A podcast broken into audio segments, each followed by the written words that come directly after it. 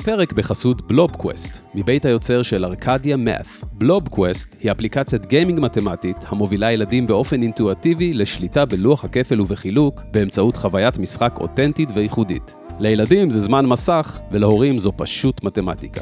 בלובקווסט, חשבון ומשחק ילדים.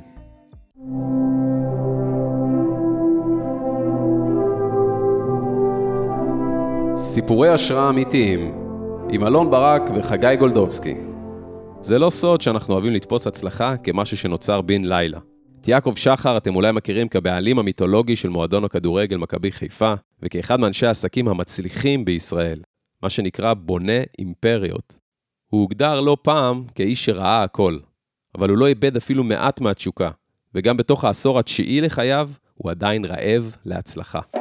אבל שנייה, שכחתם משהו. אין הצלחה גדולה ללא הסתכלות ארוכת טווח, ללא היכולת ללכלך את הידיים בבוץ, בזמן שהמוח רואה את החזון. יעקב נולד כבן זקונים בנס ציונה, לאב שהיה מזכיר ועד המושבה ולאם עקרת בית. החלום שלו היה להיות טייס קרב. הוא הצליח אמנם להגיע לקורס טיס היוקרתי, אך הודח ממנו, אבל הוא לא נתן לזה לשבור את רוחו. התשוקה שלו לספורט, שעוד נגיע אליה בהמשך, סייעה לו להפוך למדריך ספורט בחיל האוויר. הוא אפילו נסע עם נבחרת חיל האוויר לסדרת משחקים בקפריסין נגד חיל האוויר האנגלי. מה שנקרא, ראה כמה דברים בחייו.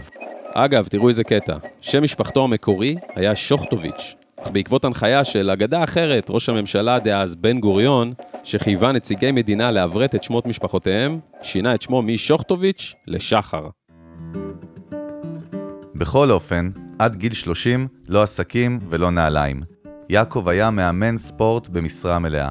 התשוקה השנייה שלו, מאז ומתמיד, הייתה כדורגל.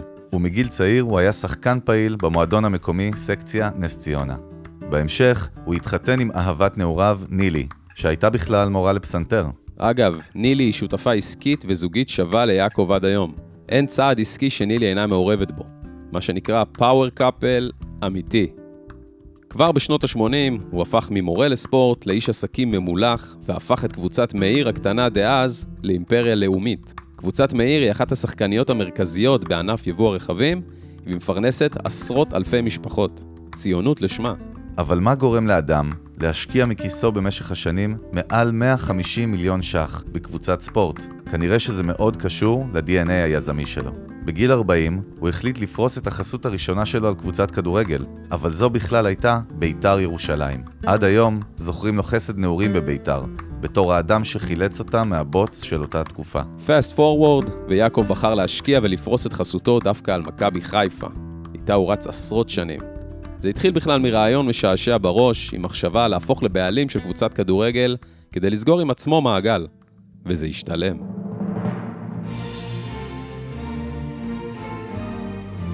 תחת הנהגתו, מכבי חיפה הפכה למועדון היוקרתי והבכיר ביותר בעולם הכדורגל הישראלי. אין תואר שהם לא לקחו, והמותג שלהם נמצא בעלייה מתמדת, כולל מעבר לים. אגב, ככה בדיוק בונים מותג.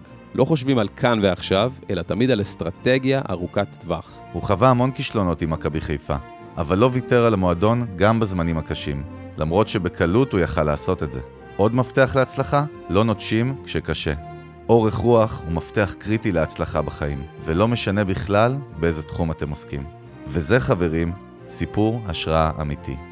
אם אהבתם את הפרק הזה, שתפו אותו עם חברים, עקבו אחרינו בספוטיפיי ובאפל פודקאסט, שם גם תוכלו לדרג אותנו בחמישה כוכבים, ואפילו לכתוב לנו תגובה. אנחנו היינו אלון ברק וחגי גולדובסקי.